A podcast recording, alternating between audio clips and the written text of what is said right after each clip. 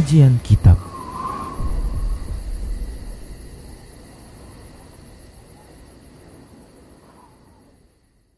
Bismillahirrahmanirrahim. Assalamualaikum warahmatullahi wabarakatuh.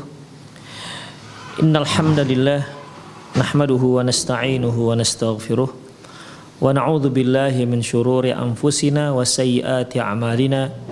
May yahdihillah fahuwal muhtad wa may yudlil falan tajida lahu waliyyan mursyida. An la ilaha illallah wahdahu la syarika lah wa asyhadu anna Muhammadan abduhu wa rasuluhu alladzi la nabiyya ba'dah. وقال الله سبحانه وتعالى يا أيها الذين آمنوا اتقوا الله حق تقاته ولا تموتن إلا وأنتم مسلمون وقال عز من قال يا أيها الذين آمنوا اتقوا الله وقولوا قولا سديدا يصلح لكم أعمالكم ويغفر لكم ذنوبكم ومن يطع الله ورسوله فقد فاز فوزا عظيما. يا أيها الناس اتقوا ربكم الذي خلقكم من نفس واحدة وخلق منها زوجها وبث منهما رجالا كثيرا ونساء.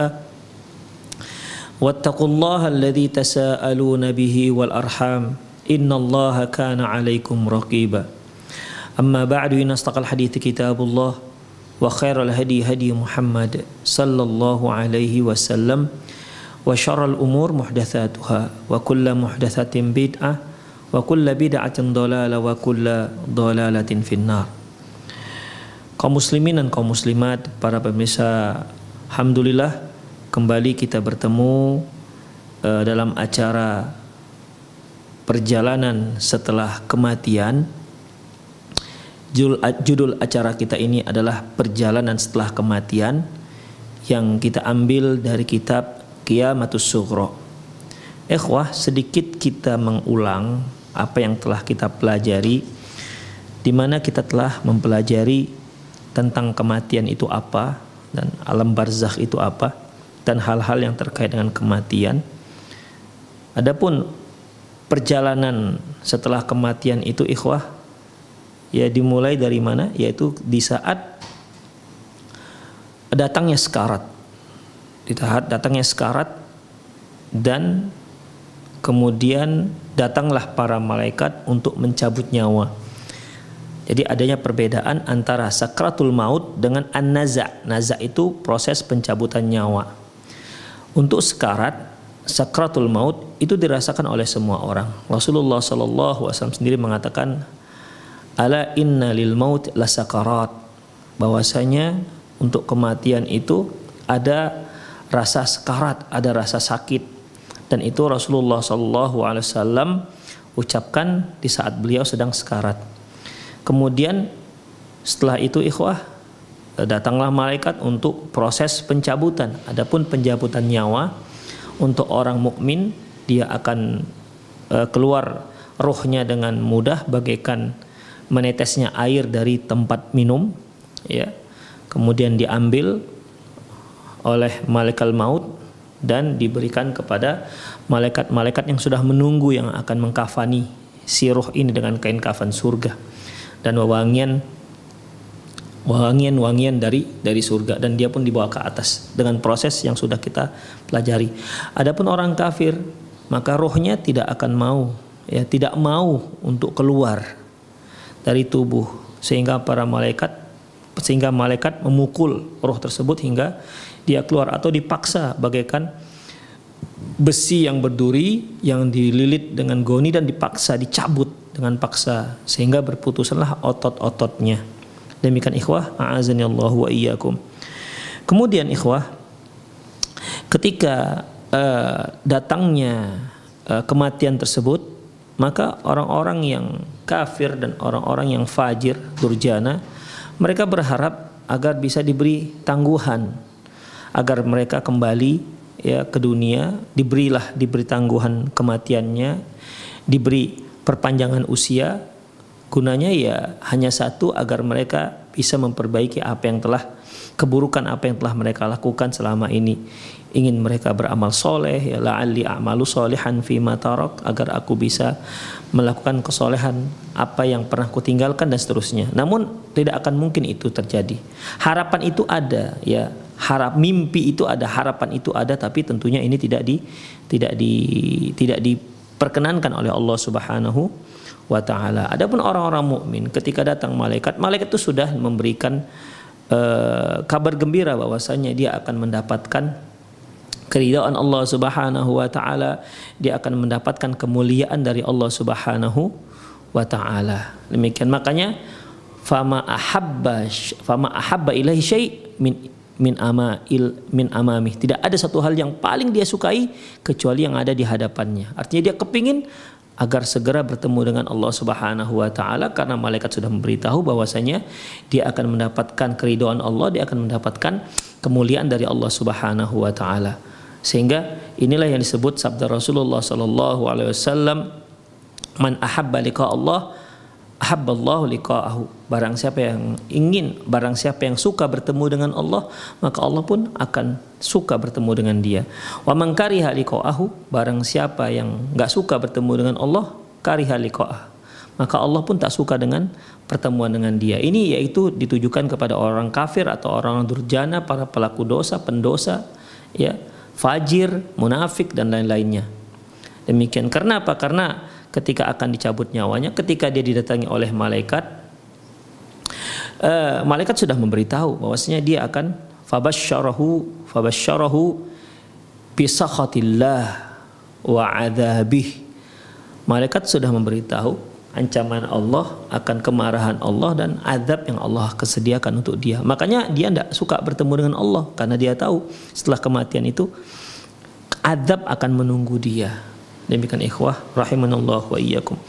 Kemudian di saat-saat seperti itu juga setan pun akan hadir. Namun sebagaimana yang dikatakan oleh para ulama, tidak semua orang dah didatangi oleh syaitan. Namun ya ada orang-orang yang datangi oleh syaitan itu merupakan saat-saat terakhir, detik-detik terakhir syaitan berupaya untuk menyesatkan anak Adam. Ya, harapannya tetap agar anak Adam ini mati dalam keadaan kafir atau mati dalam keadaan murtad. Demikian ikhwah rahimanallah wa iyyakum. Kemudian kita juga sudah pelajari sebab-sebab suul khotimah ditambah sedikit dari kitab Ahkamul Janais yaitu alamat husnul khotimah sudah kita pelajari. Ya adapun nabi, para nabi ketika kematiannya datang, jadwal kematiannya datang, maka dia diberi pilihan oleh Allah Subhanahu wa taala. Apakah dia memilih kematian ataukah dia memilih tetap bersama sahabat-sahabatnya. Namun umumnya para nabi itu ya para nabi itu memilih memilih dia meninggal ikhwah agar dia bisa bersama eh, teman-teman yang soleh yang telah terlebih dahulu bertemu dengan Allah Subhanahu wa taala. Oleh karena itu di saat beliau pingsan, saat beliau sekarat dan pingsan, beliau siuman, beliau mengatakan dan ini didengar oleh Aisyah radhiyallahu anha ibunda kita ila rafiqil a'la. Aku memilih memilih teman-teman yang yang tinggi. Artinya orang-orang soleh dari kalangan para nabi syuhada dan lain-lainnya yang lebih dahulu telah lebih dahulu wafat. Di situ Aisyah radhiyallahu anha uh, berkomentar bahwasanya aku tahu dari ucapan Rasulullah bahwasanya beliau memilih untuk wafat. Demikian ikhwah rahimani Allah wa iyyakum. Kemudian ikhwah azinallah wa iyyakum, maka uh, setelah dicabutlah nyawa tersebut, ya, dicabut nyawa tersebut, maka nyawa ini pun dibawa ke langit. Apabila dia uh, orang mukmin, maka roh yang telah dikafankan dengan kain kafan surga dan telah diberikan wewangian surga itu harumnya semerbak sehingga tidak ada satupun penduduk langit kecuali berharap berdoa kepada Allah agar roh ini lewat dari sisi mereka dan disebutkanlah namanya dengan nama yang terbaik. Ada roh orang-orang fajir, orang-orang kafir, maka ruhnya itu akan berbau busuk dan semua berharap penduduk langit semua berharap agar roh ini tidak lewat dari sisi mereka. Demikian. Bahkan tidak dibukakan untuknya pintu langit la tufattahu lahum abwas sama wa la yadkhulul jannah hatta yalijal jamalu fi. Tidak dibukakan untuk dia pintu-pintu langit dan tidak akan masuk surga dia sampai unta masuk ke lubang jarum. Ini menunjukkan bahwasanya tidak akan dibukakan untuk dia dan tidak akan dimasukkan dia ke dalam surga. Akhirnya rohnya pun di di uh, dicatat di sijin dan dicampakkan ya campakkan ke bumi hingga kembali ke jasadnya. Adapun ruh yang orang mukmin tadi ikhwah sampai dialah sampailah dia ke langit ketujuh dan uh, Allah Allah perintahkan untuk menulis namanya di Eliyin dan dikembalikan dia ke ke jasadnya. Demikian ikhwah rahimanallahu wa iyyakum. Itulah perjalanan yang sampai sekarang masih kita pelajari dan perjalanan masih panjang ya. Perjalanan setelah kematian masih panjang. Kita masih sampai di titik ini. Ikhwah rahimanallahu iyyakum. Selanjutnya setelah roh itu dikembalikan ke jasad, baik roh orang mukmin maupun roh orang kafir, roh orang soleh maupun orang toleh atau orang munafik. Lantas bagaimana kisah selanjutnya? Ikhwah rahimanallah wa iyyakum. Ya tentunya sekali lagi karena ini masalah gaib kita tidak bisa berbicara apa pun kecuali atas dasar Quran dan Sunnah Rasulullah Sallallahu Alaihi Wasallam. Infonya dari Allah dan dari Rasulullah Sallallahu Alaihi Wasallam melalui hadis yang sahih. Ya kita hanya bisa membaca, baca dan mengkisahkan hasil dari apa yang kita baca dari Al-Quran dan Sunnah Rasulullah Sallallahu Alaihi Wasallam. Selanjutnya ikhwah setelah kembalilah dikembalikan roh ini ke jasad baik jasad kafir maupun jasad orang mukmin ya. Selanjutnya datanglah dua malaikat ya. Datanglah dua malaikat. Idza wudi'al abdu fi qabri ja'athu malaikah ala suratin munkaratin. Apabila seorang hamba diletakkan di kuburannya, maka dia didatangi oleh malaikat dalam bentuk yang menakutkan, dalam bentuk yang mengerikan. Jadi ikhwah, setelah ruh tadi itu masuk kembali ke ke jasadnya, ya, setelah kembali ke jasadnya, maka datanglah malaikat ya dalam bentuk yang mengerikan dan di sini nanti akan disebutkan bagaimana yang dikatakan mengerikan itu ikhwah rahimanallahu iyyakum. Oleh karena itu penulis memberikan judul dari pembahasan ini yaitu uh, fitnatul qabr. Fitnatul qabr yaitu ujian di dalam kuburan. Ujian di sini ya tentunya uh, sebagaimana yang sudah kita maklumi ujian di sini yaitu pertanyaan yang akan diajukan oleh malaikat ke setiap manusia yang ada di kuburannya. Hanya saja nanti ada perbedaan apakah perbedaan pendapat para ulama apakah orang kafir juga akan ditanya-tanya marabbuka wa man dan seterusnya nanti di hari kiamat uh, di dalam kuburannya. Ini ada khilafiyah yang nanti akan kita pelajari. Taib. Ikhwah rahimanallah wa iyyakum. Dalam Sunan Tirmidzi ya tercantum idza qubiral mayit apabila mayit sudah dikebumikan au qala ahaduhum ahadukum atau dikatakan atau mengata, uh, perawi mengatakan apabila salah seorang kalian sudah dikuburkan dikebumikan di kuburannya atahu malakani aswadani azrokan maka dia didatangi oleh dua malaikat yang warnanya hitam kebiru-biruan. Hitam kebiru-biruan. Ya kalau bahasa kita saya telah cari-cari nih hitam kebiru-biruan ini apa yang paling layak namanya maka yang yang paling layak nama hitam kebiru-biruan yaitu warna dongker.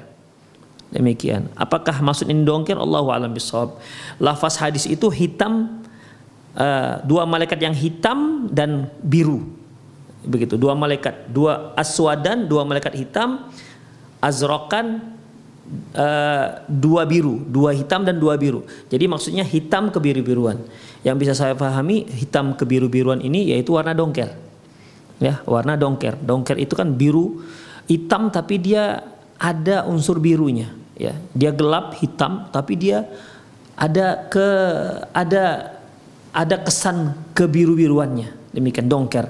Jadi kalau warna dongker itu ya berarti kalau kita lihat dari hadis ini warna dongker itu ya warna malaikat malaikat nungkar dan nangkir malaikat yang akan didatangi akan mendatangi manusia dalam kuburannya atau malakan ya seandainya benar ya semoga ini benar ya ungkapan ini yaitu dongker.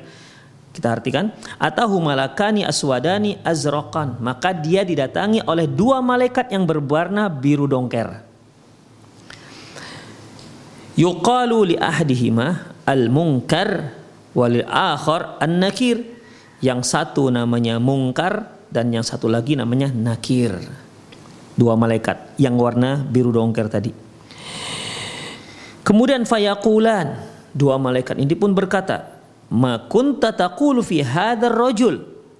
Langsung memberikan pertanyaan. Nah, dalam hadis ini ikhwah, hadis ini diriwayatkan oleh Imam Tirmidzi. Dalam hadis ini malaikat ini bertanya, ya, malaikat ini bertanya, "Apa yang apa komentarmu tentang orang ini?"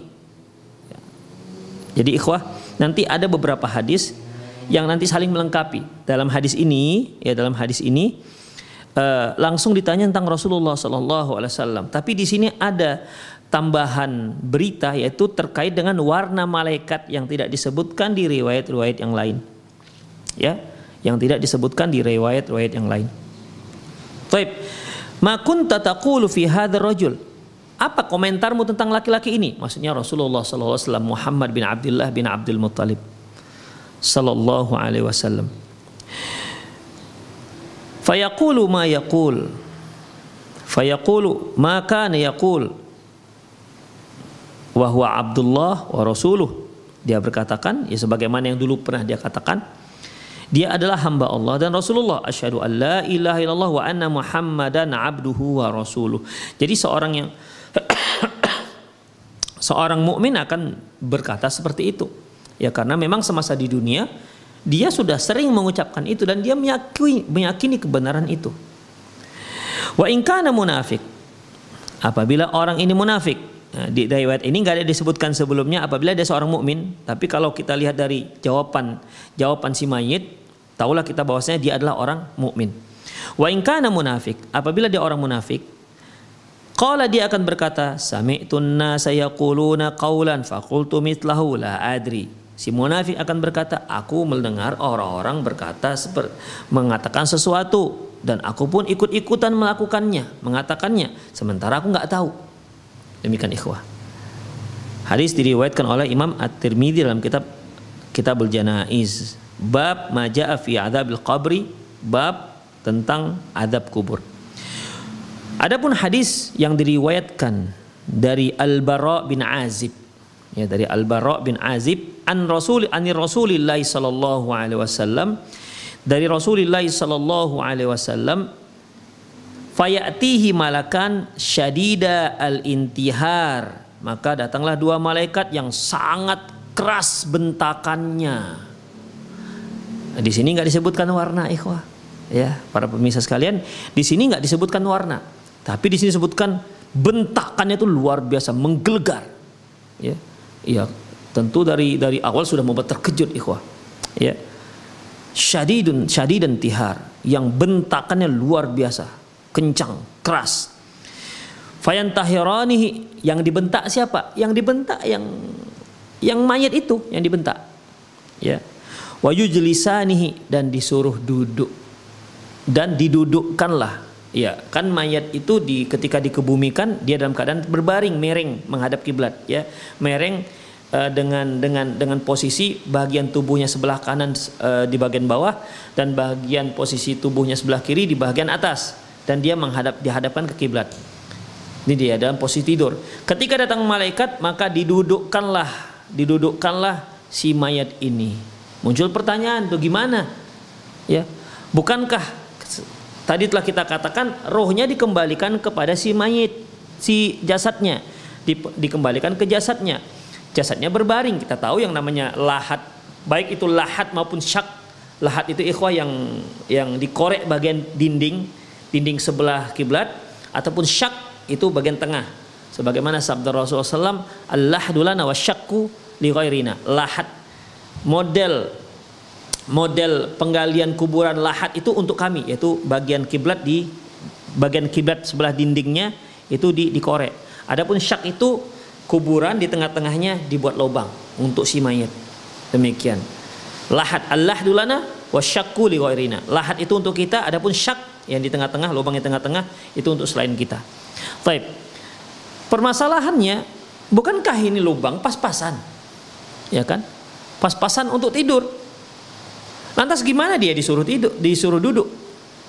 Kalau konteks hadisnya, roh tadi yang sudah keluar, lantas setelah perjalanannya ke langit, lantas dimasukkan lagi ke jasadnya. Ya zohirnya jasad yang itu. Lantas datang malaikat, kedua, mayat ini pun dis, didudukkan. Gimana duduknya? Allahu alam bisawab. Ikhwah, ini merupakan peristiwa gaib ya yang di luar yang di luar nalar kita. Akal kita itu tidak tidak sanggup untuk memahaminya. Yang nalar kita ini ketika akal kita ini dia bisa memahami orang yang disuruh duduk itu di saat ada ruangan membuat dia bisa duduk. Kalau tidak ada ruangan membuat dia bisa duduk, gimana dia bisa duduk? Seperti mayat, udah jelas pas-pasan untuk berbaring, kemudian disuruh duduk. Duduk itu bisa kita bayangkan, duduk itu seperti saya ini duduk namanya. Kalau dia masih selonjoran, ya tiduran, itu tidur namanya. Ketika dia duduk, berarti kan dia butuh ruangan tinggi, ya kan seperti saya ini duduk nih, butuh ruangan tinggi Ah demikian. Terus mayat kan tidak ada ruangan untuk itu. Itu bagaimana? Ikhwah, itulah yang dinalar oleh akal kita. Hanya itu yang bisa kita tangkap. Hanya seperti itu, sebegitulah batas akal kita. Tapi kalau sudah yang seperti ini, itu sudah di luar akal kita ikhwah. Makanya prinsip ahli sunnah wal jamaah, jika ada nas yang sahih, maka akal harus kita tundukkan. Bukan berarti ya, bukan berarti tidak bukan berarti kita kita apa namanya? Bukan berarti kita kita campakkan akal kita. Enggak usah gunakan akal, cukup nas saja. Nah, ini keliru ikhwah. Karena Allah Subhanahu wa taala mengatakan, "Afala yatadabbaruna al-Qur'an?" Tidakkah mereka mentadaburi Al-Qur'an? Itu kan butuh akal. Afala ta'qilun? Tidakkah kalian tidakkah kalian me, me, me, mencernanya, memikirkannya. Afala tatafakkarun. Itu kan semua akal, ikhwah. Di mana syariat kita menyuruh kita supaya gunakan akal. Demikian. Tapi bukan berarti kita mendewakan akal.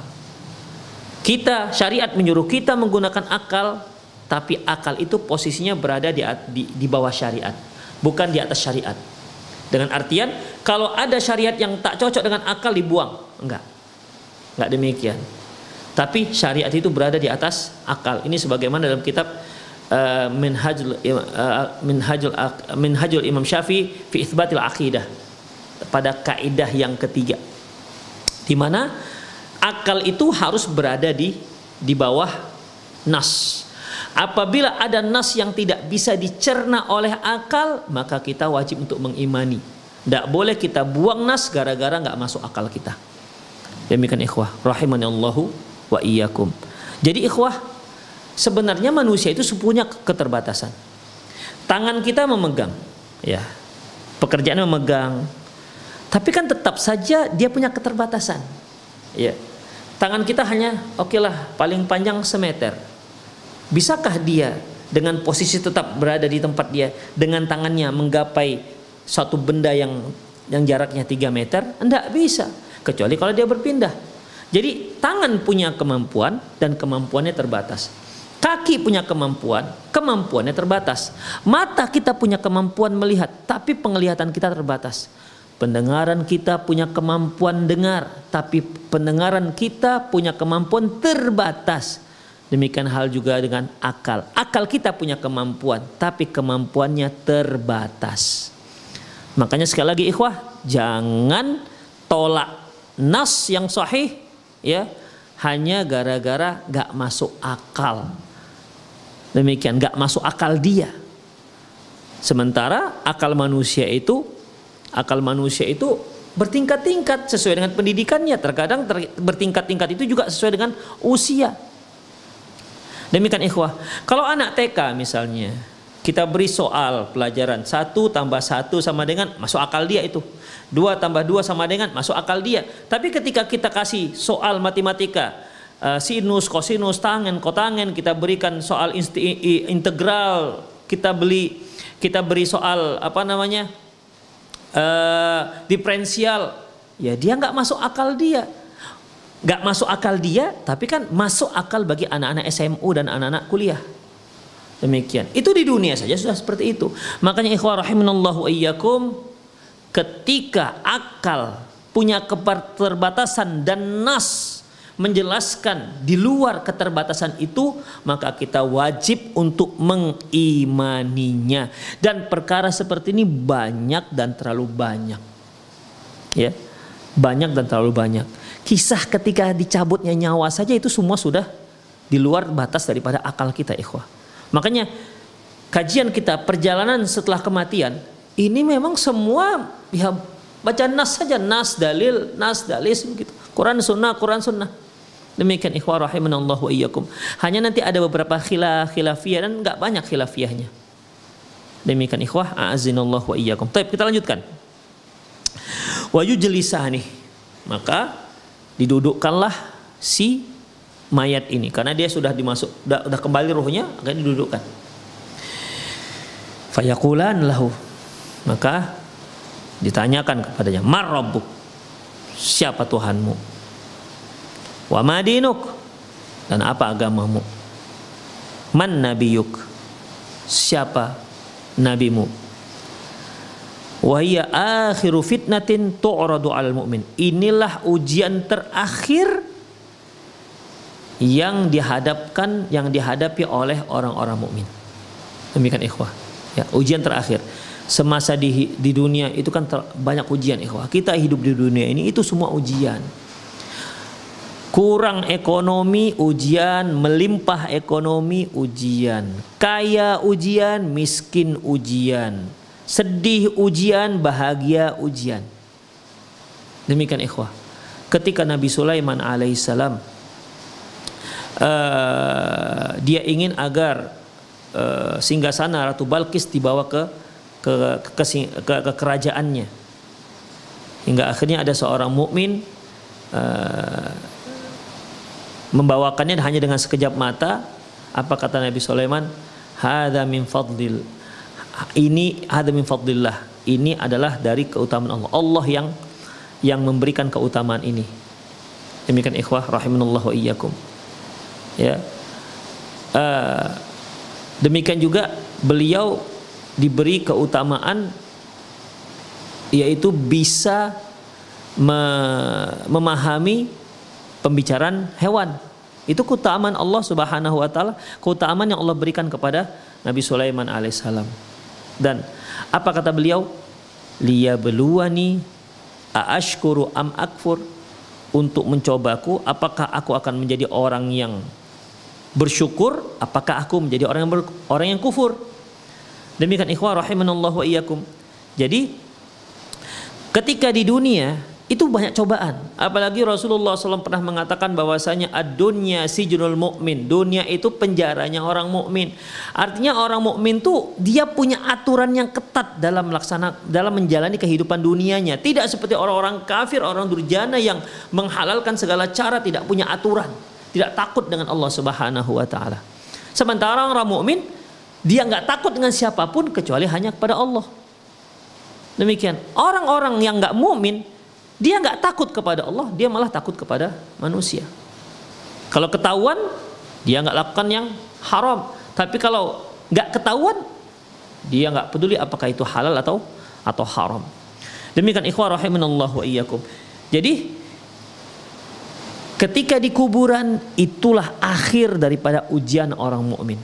Jika dia mampu menjawabnya, maka setelahnya itu aman, sentosa, Taib.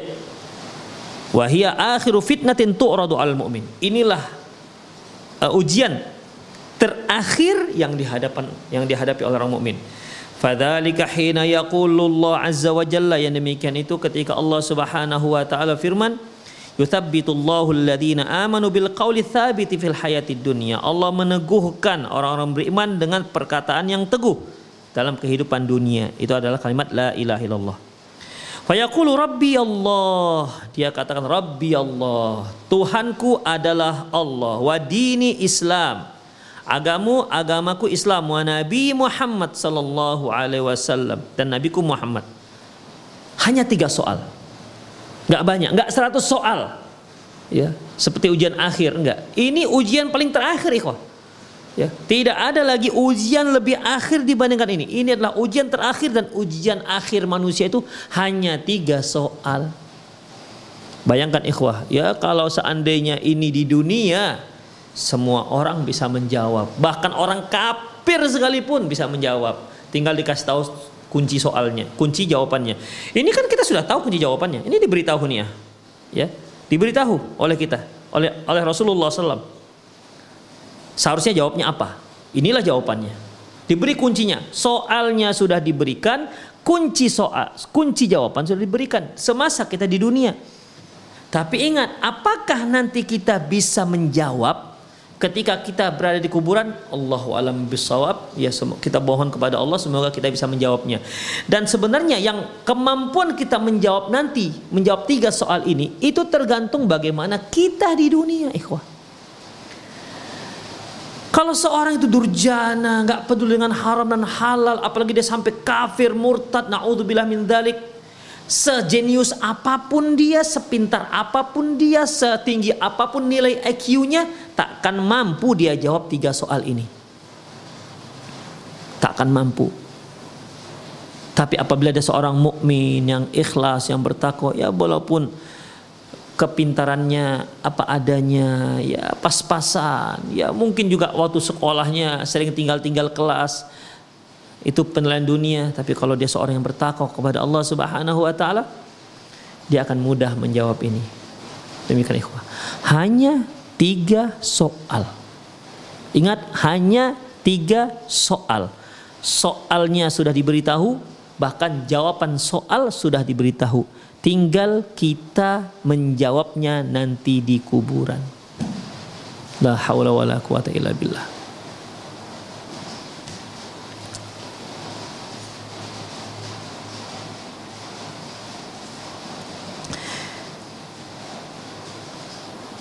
Fayunadi munadi minas sama.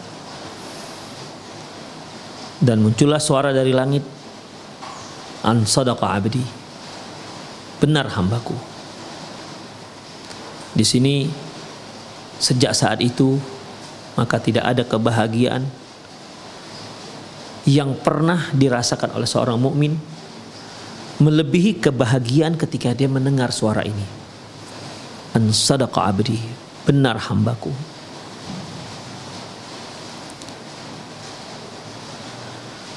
Wa qala fil abdil kafir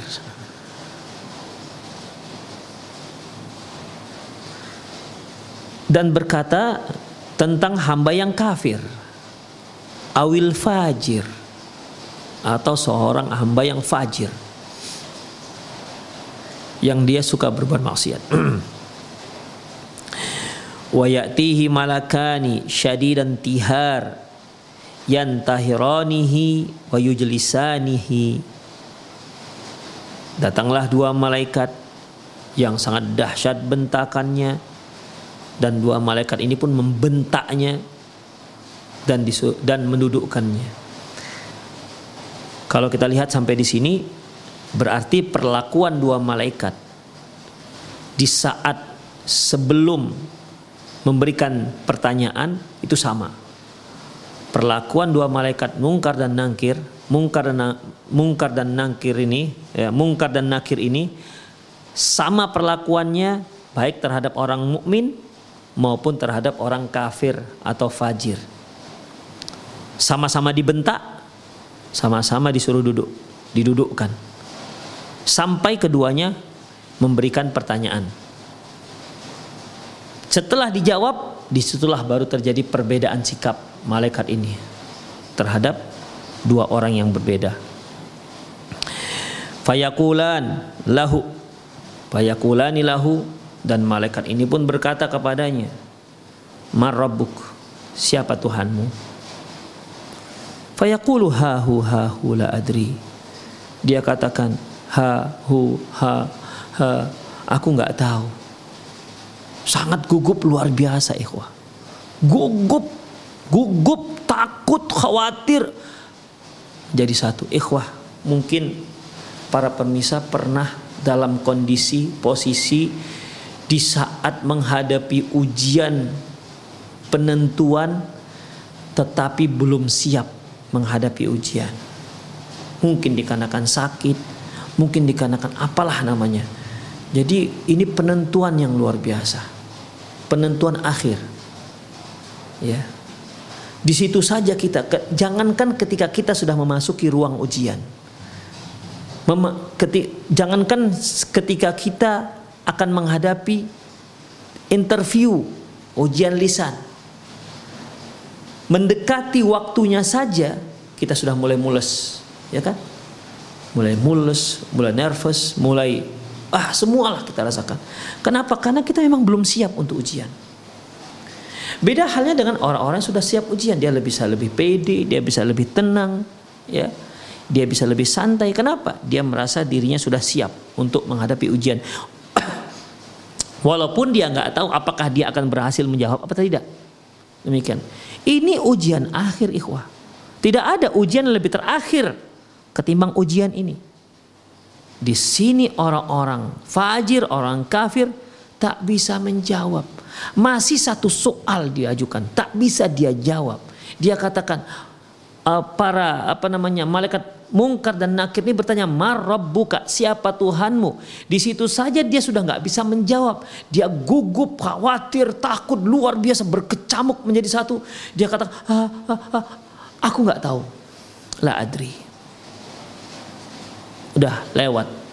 Soal pertama. Ingat soal hanya tiga.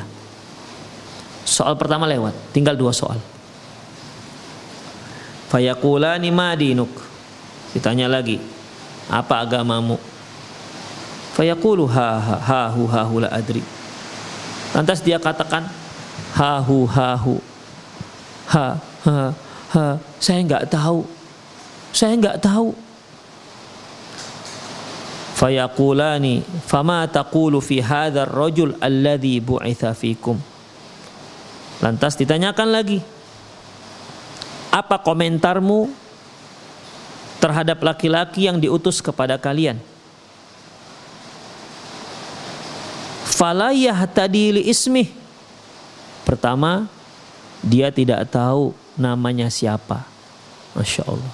La haula wa la quwata illa billah. Dia tidak tahu namanya siapa. Ditanyakan kepada dia maksudnya siapa laki-laki yang diutus kepada kamu. Maksudnya Muhammad bin Abdullah bin Abdul Muttalib Al-Qurashi Sallallahu Alaihi Wasallam. Ketika ditanya itu dia nggak tahu, ikhwah.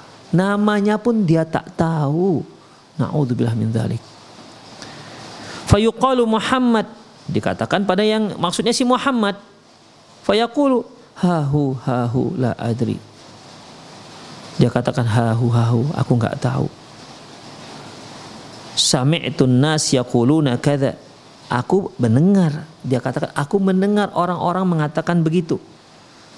Qala fayakulani la daraita wa la taraita. Dua malaikat ini pun langsung mengatakan, kamu enggak tahu, kamu enggak peduli. Fayunadi munadin. Fayunadi munadi an kadzaba abdi. Maka muncullah suara panggilan dari langit. Sungguh hambaku pendusta. Ikhwah rahimanallahu wa iyyakum dua kondisi, dua manusia. Yang satu mukmin dan yang satu orang kafir, yang fajir, yang munafik, ya. Dia ternyata hanya dengan tiga soal ini saja sudah bisa menfilter, sudah bisa memisahkan mana yang fajir, mana yang kafir dan mana yang mukmin. Dari soal pertama saja sudah bisa di sudah bisa dibedakan. Demikian. Ternyata yang bisa menjawab pertanyaan ini walaupun sangat mudah, sangat mudah, sangat mudah bagi kita sekarang ternyata tidak mudah dijawab oleh orang-orang kafir dan orang-orang fajir. Gak bisa dijawab oleh orang-orang munafik. Ini hanya bisa dijawab oleh orang-orang mukmin, orang-orang muttaqin, orang yang bertakwa. Karena memang yang akan menjawabnya itulah keimanan, bukan kejeniusan. Bukan daya tangkap pikiran, enggak. Ikhwah di sini enggak berlaku lagi. Yang namanya kejeniusan. Seandainya orang jenius ya bisa menjawab ini, tentu ya orang-orang jenius tidak akan mendapatkan azab kubur, tapi dia nggak akan bisa menjawab ini kalau dia orang-orang kafir, kalau dia orang-orang fajir dan kalau dia orang-orang munafik. Demikian ikhwah. Oleh karena itu, ya kita yang masih Allah beri kesempatan hidup, Allah masih beri kesempatan umur. Banyaklah mendekati diri kepada Allah Subhanahu wa taala terutama ini sebentar lagi kita Ramadan, insya Allah besok Ramadan. Ya kita berharap kepada Allah agar kita disampaikan Ramadan, ikhwah agar kita menjadi orang yang bertakwa la'allakum tattaqun. Agar kita menjadi takwa. Karena yang bisa menjawab ini adalah orang-orang yang bertakwa.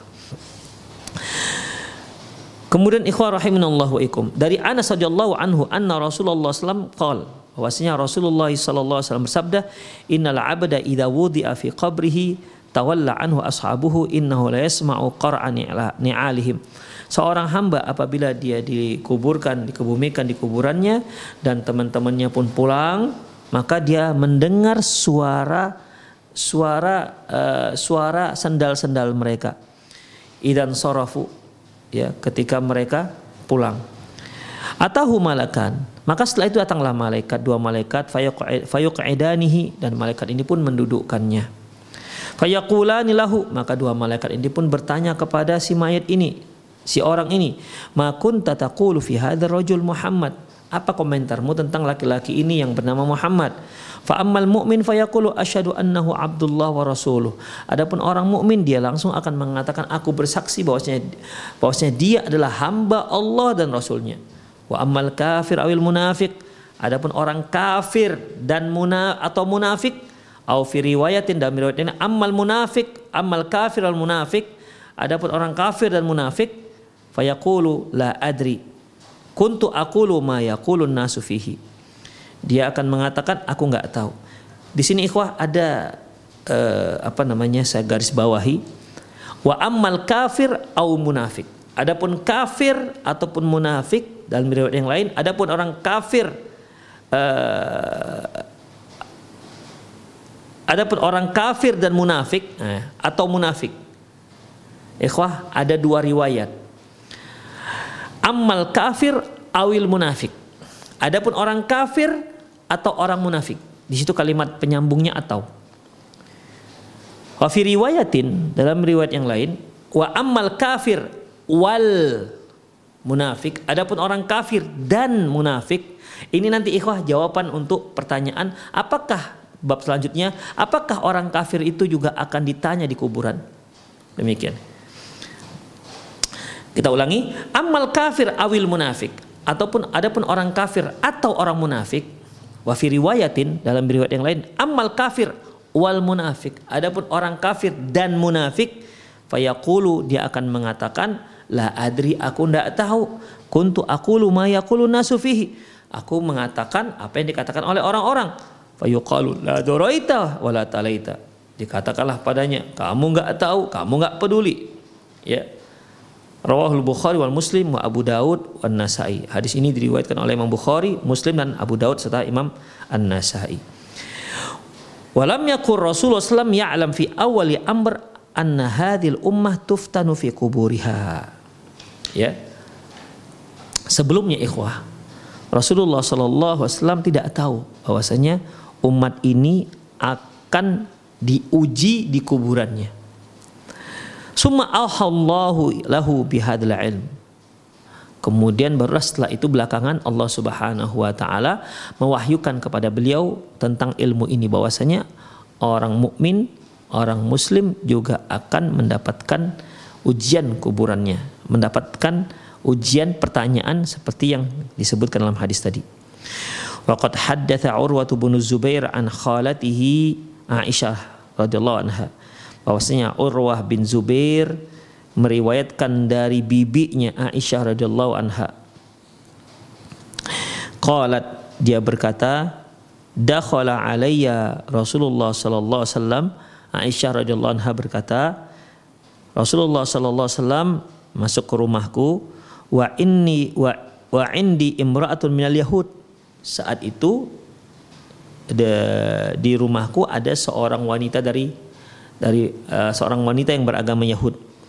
Wahiyya taqul wanita ini ber, berkata bertanya hal sya'arta annakum tuftanuna fil kubur kata wanita ini apakah menurutmu kalian akan mendapatkan fitnah mendapatkan ujian di kubur? Maksudnya mendapatkan tiga pertanyaan ini di kubur.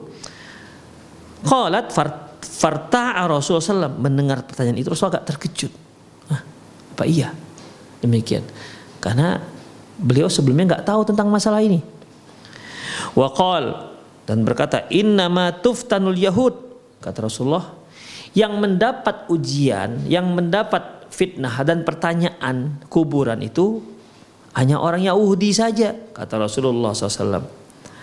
Qala Aisyah radhiyallahu anha lantas berkatalah Aisyah radhiyallahu anha falabithna layali maka berselang beberapa malam summa qala Rasulullah sallallahu alaihi wasallam hal sya'arti annahu annahu auha ilayya annakum tuftanuna fil kubur kata Rasulullah kepada beliau kepada Aisyah tidakkah engkau tahu bahwasanya Allah telah telah diwahyukan kepadaku bahwasanya kalian ya kalian akan mendapat ujian di kubur?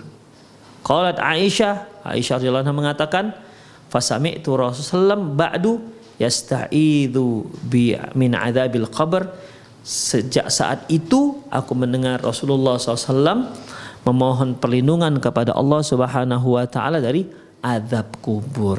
Makanya ikhwah uh, Allah Subhanahu wa taala uh, memberitahukan kepada Rasulullah SAW bahwasanya umat Islam juga akan mendapatkan uh, mendapatkan fitnah ataupun mendapatkan akan menghadapi ujian di kuburannya. Bukan hanya orang Yahudi sebagaimana yang difahami Rasulullah Sallallahu Alaihi Wasallam sebelumnya. Makanya Allah Subhanahu wa taala mengatakan alimul ghaibi fala yudhiru ala ghaibi ahada. Allah itu maha mengetahui ilmu gaib fala yudhiru ala ghaibi ahada. Allah tidak memberitahukan tentang masalah gaib dengan siapa pun illa man min rasul. Kecuali orang-orang yang diridhoi dari kalangan para rasul Demikian ikhwah rahimahullahikum. Jadi karena ini adalah masalah gaib, maka para rasul pun nggak tahu kecuali setelah diberitahukan oleh Allah Subhanahu wa taala. Dari sini juga bisa kita pahami bahwasanya para rasul itu manusia dan mereka tak tahu ilmu gaib kecuali apa yang diberitakan oleh Allah Subhanahu wa taala, apa yang diwahyukan oleh Allah Subhanahu wa taala kepada kepada mereka. Demikian ikhwah. Oleh karena itu tidak boleh ada seorang pun muslim yang meyakini bahwasanya Rasulullah Shallallahu Alaihi Wasallam mengetahui ilmu gaib. Demikian ikhwah. Walau kuntu a'lamul ghaib lastakthartu minal khair wa mamassani su. Ini jelas-jelas dalam Al-Qur'an disebutkan seandainya aku mengetahui gaib ilmu gaib tentu aku akan memperbanyak kebaikan dan tidak aku tidak akan dijamah terkena tertimpa keburukan.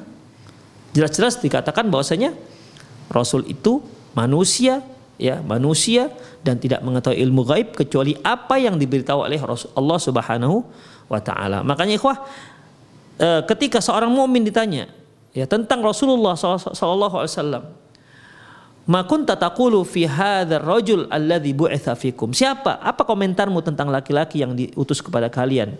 Dalam riwayat yang lain yang namanya Muhammad. Seorang mumin akan mengatakan asyhadu annahu Ashadu anna ashadu annahu Abdullah wa rasuluh. Aku bersaksi bahwasanya dia adalah hambanya Allah dan utusan Allah. Dia hamba Allah. Ya, dia hambanya Allah, bukan anaknya Allah, bukan siapa-siapa. Dia adalah hamba Allah seperti hamba-hamba Allah yang yang lainnya. Demikian. Tapi dia adalah istimewa karena apa? Karena dia adalah utusan Allah Subhanahu wa taala. Beda halnya dengan orang-orang Nasrani ya, yang mengangkat rasul mereka menjadi anak Tuhan. Demikian ikhwah rahimanallahu wa iyyakum. Ya. Amanya Rasulullah katakan, makanya Rasulullah katakan, la tatruni kama atratin nasara Isa bin Maryam, jangan kalian sanjung-sanjung aku sebagaimana kalian menyanjung Isa ibnu Maryam. Qulu Abdullah wa Rasuluh, katakan aku adalah hamba Allah dan Rasulnya. Jadi keimanan-keimanan itu semua ikhwah rahimanallahu wa itu yang mampu membuat menjadi bekal kita untuk bisa menjawab tiga soal ini. Ya. Keimanan kita kelurusan akidah kita ketika kita di dunia itulah yang nanti bekal kita untuk bisa menjawab tiga soal ini. Ingat soal hanya tiga pertanyaan sudah diberitahu kepada kita sekarang dan jawabannya juga sudah diberitahu kepada kita sekarang. Tinggal jawab. Demikian, tinggal jawab. Ini adalah ujian yang terakhir. Tapi hasilnya ya, hasilnya akan berbeda. Ya. Hasilnya berbeda antara orang mukmin dan orang-orang fajir atau orang-orang munafik. Demikian ikhwah rahimanallah wa iyyakum. Dari dari uh, dari uh, hadis yang kita baca ini ikhwah kita bisa simpulkan bahwasanya nanti akan datang dua malaikat. Ini karena ini perjalanan setelah kematian ikhwah termasuk ya. Ya, setelah di, dimasukkan kembali ruh ke dalam jasad, kemudian disuruh duduk oleh dua malaikat. Dua malaikat ini sangat dahsyat bentakannya, warnanya juga bentuknya mengerikan dan warnanya warna biru dongker, ya, dan memberi tiga pertanyaan. Memberi tiga pertanyaan yaitu marabbuka wa ma dinuka wa ma nabiyuka. Orang mukmin akan mampu menjawabnya dan setelah itu Allah akan beri dia nikmat dan orang kafir, orang fajir, ya, orang munafik tidak akan mampu untuk menjawabnya. Mereka akan mereka akan menjawab saya nggak tahu. Demikian. Lantas ikhwah azillahu iyyakum. Apakah sampai situ perjalanan kematian? Belum, masih panjang. Ya. Masih panjang ikhwah di alam kubur saja masih panjang ceritanya. Oleh karena itu, ya sempatkan waktu Anda para pemirsa untuk melanjutkan kajian-kajian kita di pertemuan-pertemuan yang akan datang. Demikian aku lu qauli hadza wastaghfirullah li wa lakum wa muslimin innahu huwal ghafurur rahim. Naam. Naam Ustaz. Jazakallahu khairan Ustaz, barakallahu fik atas materi yang penuh dengan faedah yang telah antum sampaikan. Masya Allah, satu perjalanan yang cukup panjang bagi seorang manusia jika mengetahui kehidupan setelah kematian atau perjalanan setelah kematian. Semoga Allah Subhanahu wa taala memudahkan bagi kita semuanya untuk berjalan atau melewati perjalanan ini.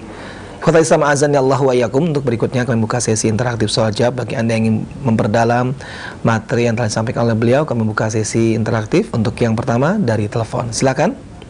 Ya, silakan. Assalamualaikum. Waalaikumsalam warahmatullahi wabarakatuh. Dengan siapa Ibu dan berada di mana? Di Bekasi. Iya, dengan Ibu siapa? Mohon maaf. Ya. Assalamualaikum. Ya, baik Ibu, mohon maaf agar Ibu tidak bingung, mohon mungkin televisinya dimatikan terlebih dahulu. Jadi cukup menyimak lewat telepon karena kalau melihat mendengar melalui media radio ataupun televisi akan membingungkan. Dia langsung telepon saja Ibu. Silakan Ibu dengan siapa dan berada di mana? Di Bekasi. Ya, silakan Ibu. Ya, apa pertanyaan Ibu? Silakan. Assalamualaikum Ustaz. Waalaikumsalam Saya mau bertanya, hmm. apakah azabku orang yang udah meninggal dulu diazab sampai hari kiamat? Uh, kan kalau ada yang udah meninggal duluan dengan yang baru meninggal sekarang ini kan kasihan yang dulu itu diazab terus ya sampai hari kiamat ya. Pak Ustaz hanya itu. Baik, cukup Ibu. Terima kasih banyak. khairan. Wa jazakillah khairan. Barakallahu fiqh. Ya, taib. Kepada Ustaz kami persilahkan. Ya. Jazakillah khairan pada ibu yang berada di Bekasi. Uh, sebagaimana yang kita kita kita telah kita katakan di awal tadi bahwasanya masalah barzakh alam barzakh ini adalah masalah gaib dan sering tidak bisa kita nalar sebagaimana yang kita katakan tadi yang disebutkan dalam hadis bahwasanya itu itu jasad yang sudah dikembalikan rohnya dia di, didudukkan. Ini jasadnya jasad yang mana? Kalau memang jasadnya, kalau memang jasadnya adalah jasad yang ini yang telah kita kebumikan, coba nanti beberapa saat di, di, di, di, di, dikorek lagi. Apakah dia sedang duduk apa tidak? Ternyata tidak ada yang pernah menyaksikan itu. Terus jasad yang mana? Ataukah kita akan mendustakan hadis ini? Nauzubillah min dzalik. Makanya ikhwah dari di awal sudah kita bahas ya singgung walaupun nggak panjang tapi sangat penting bahwasanya dalam membahas perkara-perkara gaib ada hal-hal yang tidak bisa kita nalar. Tidak bisa kita nalar. Ingat ikhwah, tidak bisa kita nalar bukan berarti mustahil. Mustahil itu artinya nggak akan mungkin terjadi. Ya. Bukan bukan berarti mustahil artinya. Gak bisa kita nalar. Ingat, gak bisa kita nalar bukan berarti mustahil. Ketika kita nanti telah mengalaminya, baru kita tahu, oh begini toh, baru begini toh. Demikian. Seperti tadi telah saya berikan contoh. Seperti contoh matematika, ujian matematika. Untuk anak kelas TK kita hanya beri soal satu tambah satu satu dua kurang satu demikian. Itulah yang bisa mereka nalar. Tapi ketika kita berikan mereka ujian integral diferensial sinus kosinus dan seterusnya mereka akan katakan ini apa? Ini apa bu guru? Begitu. Nggak masuk akal dia nggak masuk nalar dia. Tapi apakah mustahil? Kan tidak mustahil. Karena bagi anak-anak SMU dan anak-anak kuliah ya apalagi di bidang matematika kuliah di bidang matematika ya itu akan masuk akal dia. Demikian. Demikian juga masalah gaib masalah alam barzakh. Ini hal-hal yang tidak bisa kita nalar dengan akal kita sekarang. Ya. Demikian ikhwah Nah, seperti pertanyaan ibu yang dari Bekasi, kalau kita fahami dengan nalar kita sekarang, Berarti ya orang yang kafir yang dulu diazab sampai sekarang diazab dong. Berarti lama sekali azabnya. Dibandingkan nanti orang-orang orang-orang yang meninggal dekat hari kiamat. Padahal Rasulullah Shallallahu Alaihi Wasallam pernah mengatakan sesungguhnya manusia yang paling buruk yaitu mereka yang menyaksikan hari kiamat. Ini Hadis yang hadis Rasulullah sahih yaitu kata beliau sesungguhnya manusia yang paling buruk adalah mereka yang langsung menyaksikan hari kiamat. Berarti kan ini, ini adalah generasi yang paling parah dibandingkan generasi-generasi sebelumnya. Tapi mereka meninggal di ketika hari kiamat kemudian dibangkitkan. Berarti sebentar saja dong mereka mendapatkan adab ya. Ikhwah itu kalau kita nalar dengan akal kita. Ya. Kalau kita nalar dengan akal kita, nanti akhirnya bagaimana? Allah itu zalim. Ya.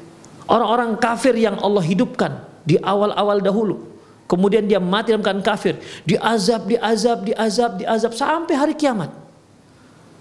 Dengan orang yang jauh lebih buruk dibandingkan mereka. Karena Rasulullah katakan yang paling buruk adalah manusia yang menyaksikan hari kiamat. Sementara meninggal, kemudian hari kiamat, kemudian dibangkitkan. Berarti sebentar saja ikhwah.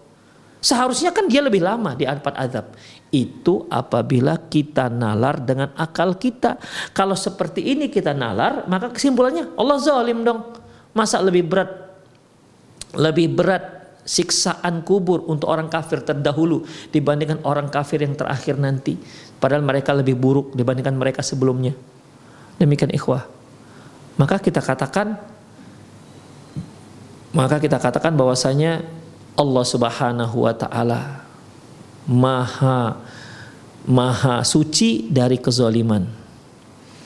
Allah Subhanahu wa taala mengadab satu kaum saja wa ma kunna mu'adzibina hatta nab'atha rasula. Kami enggak mengadab sampai kami uh, kami mengutus rasul. Baru kami adab. Wa ma zalamnahum walakin kanu anfusahum yadlimun. Kami enggak menzalimi mereka, tapi sebenarnya mereka yang telah menzalimi diri mereka sendiri. Jadi Allah tuh tidak akan pernah menzalimi. Ya. Wa ma rabbuka bidzallami lil abid. Dan tidaklah Rabbmu itu menzalimi hamba-hambanya. Demikian ikhwah. Jadi kita tidak bisa menalar seperti itu. Ya. Karena kalau sudah masuk ke alam gaib, kita tidak tahu lagi waktu itu bagaimana cara perjalannya bagaimana Allah alam bisawab jadi ikhwah azallahu iyyakum sekali lagi ya orang akan mendapat hukuman sesuai dengan apa yang dia lakukan ya orang mendapatkan hukuman sesuai dengan apa yang dia lakukan. Mengenai lama waktunya kita serahkan itu pada Allah Subhanahu wa taala. Yang jelas dan yang terpenting Allah tidak akan pernah menzolimi hambanya. Allah itu maha adil seadil-adilnya. Demikian para pemirsa uh, Roja TV dan pendengar radio Roja di mana anda berada karena waktu kita sepertinya sudah habis ya itu sajalah mohon maaf uh, kalau hanya bisa menjawab satu pertanyaan semoga Allah Subhanahu wa taala memberikan kita kemudahan memberikan kita keistiqomahan dan tentunya yang tentunya doa yang sangat kita panjatkan kepada Allah Subhanahu wa taala yaitu Allahumma sallimna Ramadan. Allah salimna ila Ramadan. Ya Allah, sampaikan kami pada Ramadan. Semoga di Ramadan ini Allah Subhanahu wa taala memberikan kita keistiqomahan dan memberi kita kekuatan, memberi kita uh, pertolongannya untuk tetap semakin dekat, semakin dekat pada Allah Subhanahu wa taala. Karena grafik seorang mukmin itu ketika menghadapi Ramadan bukan semangat di awal, kemudian turun di akhir. Tapi grafiknya terus dia akan menanjak, menanjak, menanjak hingga 10 terakhir. Begitulah grafik ibadahnya orang-orang salaf terdahulu. Semoga Allah Subhanahu wa taala memberikan kita kemudahan untuk bisa menapaki jejak para salafus salih dalam menghadapi bulan Ramadan. Demikian lebih dan kurang mohon maaf. Aku qauli hada wastaghfirullah li wa lakum muslimin innahu wal ghafur rahim. Assalamualaikum warahmatullahi wabarakatuh.